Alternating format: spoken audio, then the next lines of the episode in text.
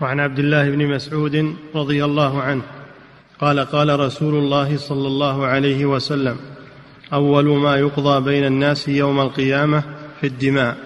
نعم.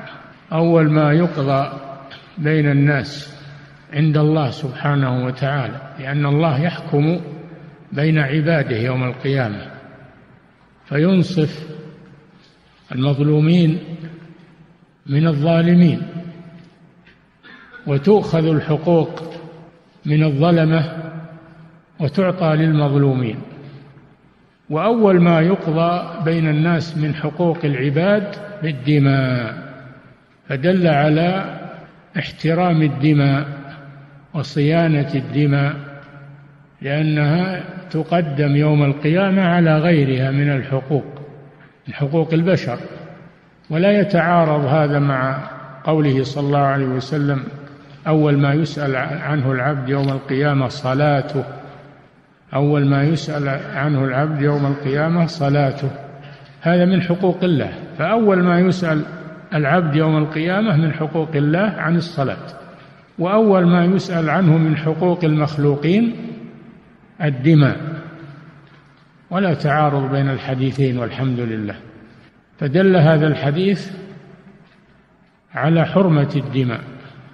وخطورة الاعتداء عليها لأن الله جل وعلا يقدمها يوم القيامة على غيرها من حقوق المخلوقين حينما يقضي ويحكم بين عباده سبحانه وتعالى. فالظالم وإن سلم في الدنيا ولم تؤخذ منه المظالم إن سلم في الدنيا فإنه لا يسلم في الآخرة. ولو أخذت منه المظالم في الدنيا لكان أسهل عليه.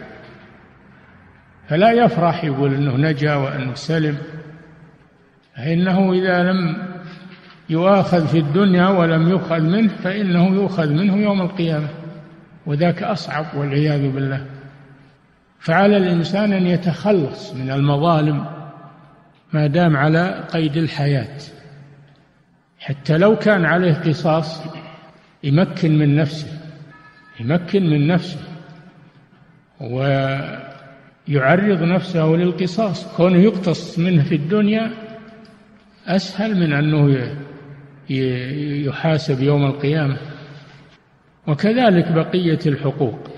إذا كان عنده مظالم يؤديها يتخلص. قال صلى الله عليه وسلم من كانت عنده لأخيه مظلمة فليتحلل منه اليوم قبل أن لا يكون دينار ولا درهم.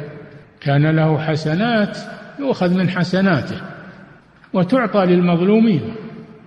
وإن لم يكن له حسنات فإنه يؤخذ من سيئات المظلومين فتطرح عليه ويطرح في النار.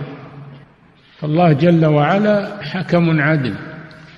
لا يترك المظالم تذهب هدرا وإن سلم أصحابها في الدنيا فإنهم لا يسلمون. في الآخرة وحقوق المخلوقين لا تسقط إلا بتسامحهم عنها. حتى ولو تبت واستغفرت هذا ما يبري ما يبريك من حق المخلوقين لا بد من أدائها إليهم إنما الاستغفار والتوبة هذا في حقوق الله. ما حقوق المخلوقين ما يكفي التوبة والاستغفار. لا بد من أدائها إليهم أو مسامحتهم عنها. نعم.